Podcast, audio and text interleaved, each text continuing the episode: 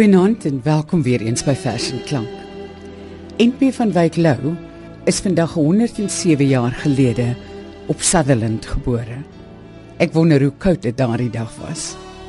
Maar vir ons was die geboorte 'n warm geleentheid wat sou lei tot 'n groot en belangrike nalatenskap. Om sy geboortedag te vier, gaan ons vanaand na uittreksels uit Raka luister. Raka wat dalk die grootste epiese gedig in Afrikaans is. Ons gaan luister na 3 uittreksels. Die eerste 2 lees die digter self en die laaste uittreksel word gelees deur van Wyk Lou se skoonsister Anna Netling Pool. Die klank van die eerste uittreksel veral is nie baie goed nie. Dit is in 1948 opgeneem. En gelukkig het ons nou die geleentheid om te luister hoe dit klink wanneer NP van Wyk Lou self die koms van Raka lees. Die vroue het hom die eerste gewaar in die loom namiddag toe die arbeid klaar was aan die stampblok in die jong groen landerye en hulle gedrie geviere in dun rye met kruik en geel windligte kalbas op heup en skouer deur die stekerige gras rustig gestap het na die koel sekugate om daar te drentel tot die bruin en laat skemering en die eerste sterre met klam sand en sagter modder om die enkels in die hand om veel te lag en ure te praat of skugterig soms een een uit te waat deur die taai waterblomme naken blink. Raka die aapmens hy wat nie kan dink wat swart en donker is van benen spiere lenige boog en enkeld dier oor kan die water het hy uitgestap uit die gebrekte riete en soos 'n kind wat om die grap van 'n bond kalbassie tandeloos en stil lag wit gegryns en neergehurk gewag. Die vroue het sku digter by mekaar gekruip en oor die stil stroom gestaar. Het hy erns deur die groot morasse gekom waar die ryk waters flakker om en om in vuil skuim maal en onder die son lê 'n blink dagreise breed en die opdrifsels stink verrottend in die bessies en warm riet. Hy was geen boerling van die ruim gebied van oerwoud en groot groen riviere. Maar nou het hy met 'n kabbeling in sy spiere opgereis en oor die grys sand 'n vreemde dans gevoer uit sy land. Geil van begeerte, van wilde vlug en vang en paring en uitskree onder die dwang van drifte wat geen naam of doel meer ken. En toe soos 'n naalloper na die wit lint ren, die water afgeskiet en weggeraak waar die bosse ver weg blou gange maak. Maar teruggekom terwyl die vrou nog stil was van die wonder. Een het geril asof die poele skielik kouer was tussen die kanette. En oor sy skouer 'n jong bok gedra waarvan die keel vars uitgeskeur was met 'n hand en die geel huid vol trilling nog besmeer met bloed die het hy skuwerig neer laat gly op die sand oor kan die water en vriendelik gelag met oog en tand en rooi tong soos van 'n hond daarby vrugte en neute en soet riet wat hy met 'n taai afbeur van die takke gepluk het of met die blikwortels uitgeruk. Maar woorde het hy geen enkele gesê. Toe hy die vroue die geskenke laat lê en deur die skemerte die paadjie na die kraal gevat die kruike op die kop traag en skraal en langer in die dun skemerlig gewig op heup en voet in lenige ewewig maar min gepraat want elkeen was ontrus oor die mooi dier en die vreemde lus wat sy diep in haar hart maar sterk voel roer het soos 'n kind wat speel en afloer in die oog van 'n droë bron. Miskien swart water en blink paddas sing. Sy hart bly ongerus in die son en by die spel deur die vermoede van 'n vreemde land gekwel. So het hulle deur die jong aand uit die riet opgekom En die nag was raaisel en lied stil rondom die kole. Maar laat was die duister nog lewend en luid van die praat. Die kinders het sku en wyd oog gesit en wakker nog toe die as wit van die laaste stompe val. Die ander dag toe die blou visvanger stil was na sy jag oor die gladde warm sekogate en klein geslaap het aan 'n takkie oor die water het die kinders hom gesien. Raka, die swart dier. Nou het hy oor die sand vir hulle plesier gebuitel soos 'n perd gerol, gegryns, gespring met 'n minkdans gehuppel in die kring en skielik in die water weggeplas waar hy glad en vinnig soos 'n otter was.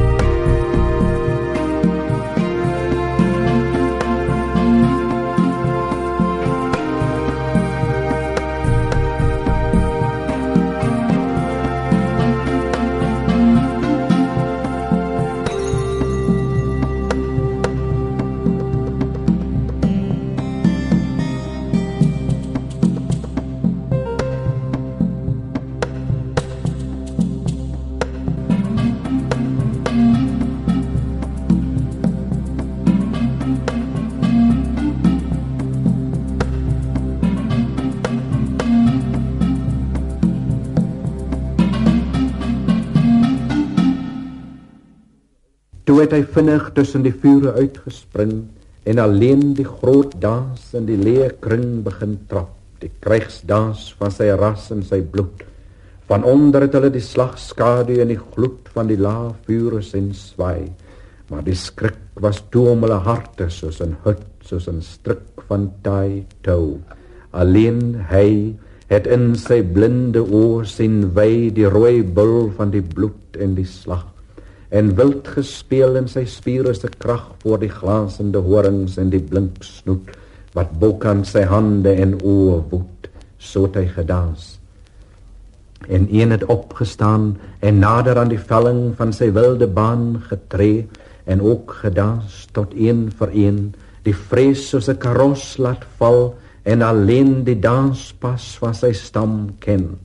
Dood skril ook die klank van die ou lied opgetrill tergend en eil soos bo die ratat van die skilde die lang ry vegters die hoë wilde fluit skreeu laat hoor. En almal het gedans met oë en huid in die laag glans van die nagtelike vure rooi gevlek.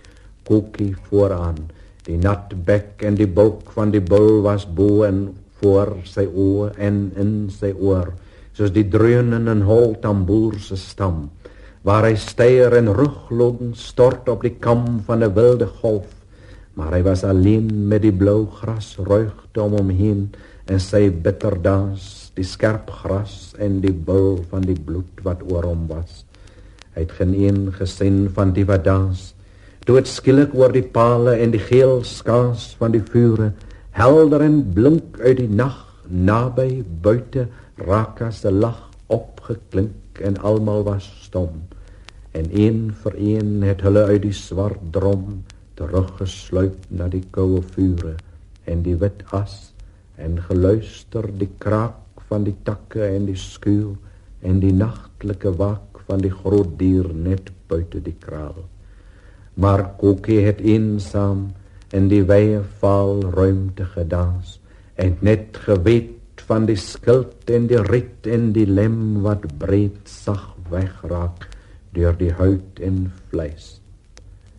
By die vure was woorde oud en wys van Raka is vreedsaam, Raka is nie sleg.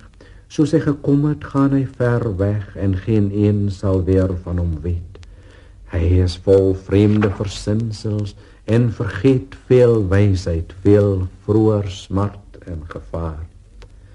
En toe die luisterende vroue die vrees gewaar wat onder die manne se diep woorde skuil, soos onder die slank riet die gladde kuil, het hulle hart nog meer aan Raka geglo in soet skrik en verwagting, en hulle oë het afwesig na die donker woud gekyk waar die skoon sterk dier dwaal en uitreik na hulle lywe. Net Kokkie, hoog en eensaam, het in 'n nuwe dans stil begin gaan die pad wat geen mens terug kan loop. Die dans van die wat sterf en geen hoop meer wil hê in die soet lewe. En gang soos van die stil sterre wat bokant hang elke nag. Die wit blom van die skemer en hy die blou vuur in die hond wat die bendes lê tot die brandende see agter die groot strome Hy het lig en binne 'n enkele droom tussen die bruin volk gewandel, tussen staar en vrees. En die rooi bees het ver in die horison te gewyk. Maar hy het die stil dans getrap en gegly deur die blinde kringe soos die fyn draad in die weefstoel lewe en 'n grys gewaad se webbe met vreemde bewinge bind. Om Kokie was die grys wind en die grys land sonder boom of gras en eensaam water wat branding was tot teen ver kape. Sy lyf en voet het stil soos die roer van die wit en soet riet in die mat van die water gekom. Die wye baie wat eers sy stam se tuiste gewees het, en nou nog sing in spreekwoord en liedse herinnering. Die ewige kom en keer van 'n wand wit water oor 'n eng grys strand. Die koue opskuim tot aan die keel. Die terugdryf af in die blou en geel diep dale agter die branders se ry en die stil spoel by die kape verby in 'n sterker vloed en hulle het gewag gehurk oor die koue as die lang nag. Toe hy na die dans van die rooi bul die dans van die groot water wat die aarde vul en die heilige kringe gewandel het. En laat by die vuur gaan lê tot die geel daarraad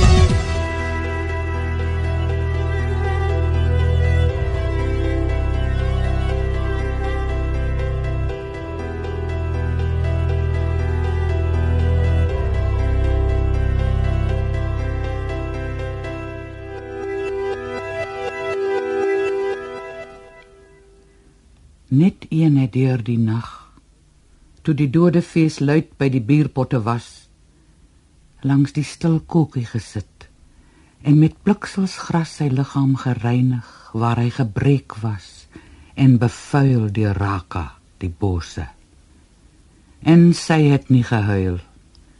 Die oudste van die vroue wat veel bewaar van die stam se herinnerings en van sy swaar en met hul liedere die kinders en die jong seuns voed soos aan 'n naalstring van sagte kloppende bloed in die skemeraande. Sy het stil gesing voor haar uit van die heilige glansende kring van geboorte en dood en geboorte en dood van die vroue se wag en al pyn en die groot skoonheid van die dapper man in die stryd. En toe sy gesing van die ver tyd toe Kokkie se vader 'n sterk man was en hy self 'n kind met die klein kwas aan elke knie die bendes gelei het van die seuns deur die riete en deur die nabye grasrye plate. En toe sy genoem die skoonheid van sy skouers en sy snelheid geroem in die jag en die stryd. En sy lengte sy rug sy pragtige bene sy bors en die vlug van sy blink as gaie en luider het haar lied geroep van die jong ryp vroue se verdriet en die kinders wat hy nooit nooit meer sal hê. En toet sy die swart dier genoem wat lê in die nag en die plasse. En koekie se moed en die speel van sy wapens en die trots voet wat nooit stil by die palle van die hek kon bly. Hoe hy uitgedans het om in die swart woud te stry teen iets wat bestelik en magtiger is. En hoe hy sy bruilof in die koue duisternis van die groot morasse gevier het. En nou het sy die lied stil en laag gehou. Van die verlore menslikheid van die klein kraal wat in die swart bome lê en snag straal met sy vure. En sy het gekla wie hom nou sal red teen die groot dier wat wag? Wie sal belet dat hy inkom en heers? En stiller en sagter dat die skoonste gesterf het dat die edelste wagter koud lê langs sy vuur.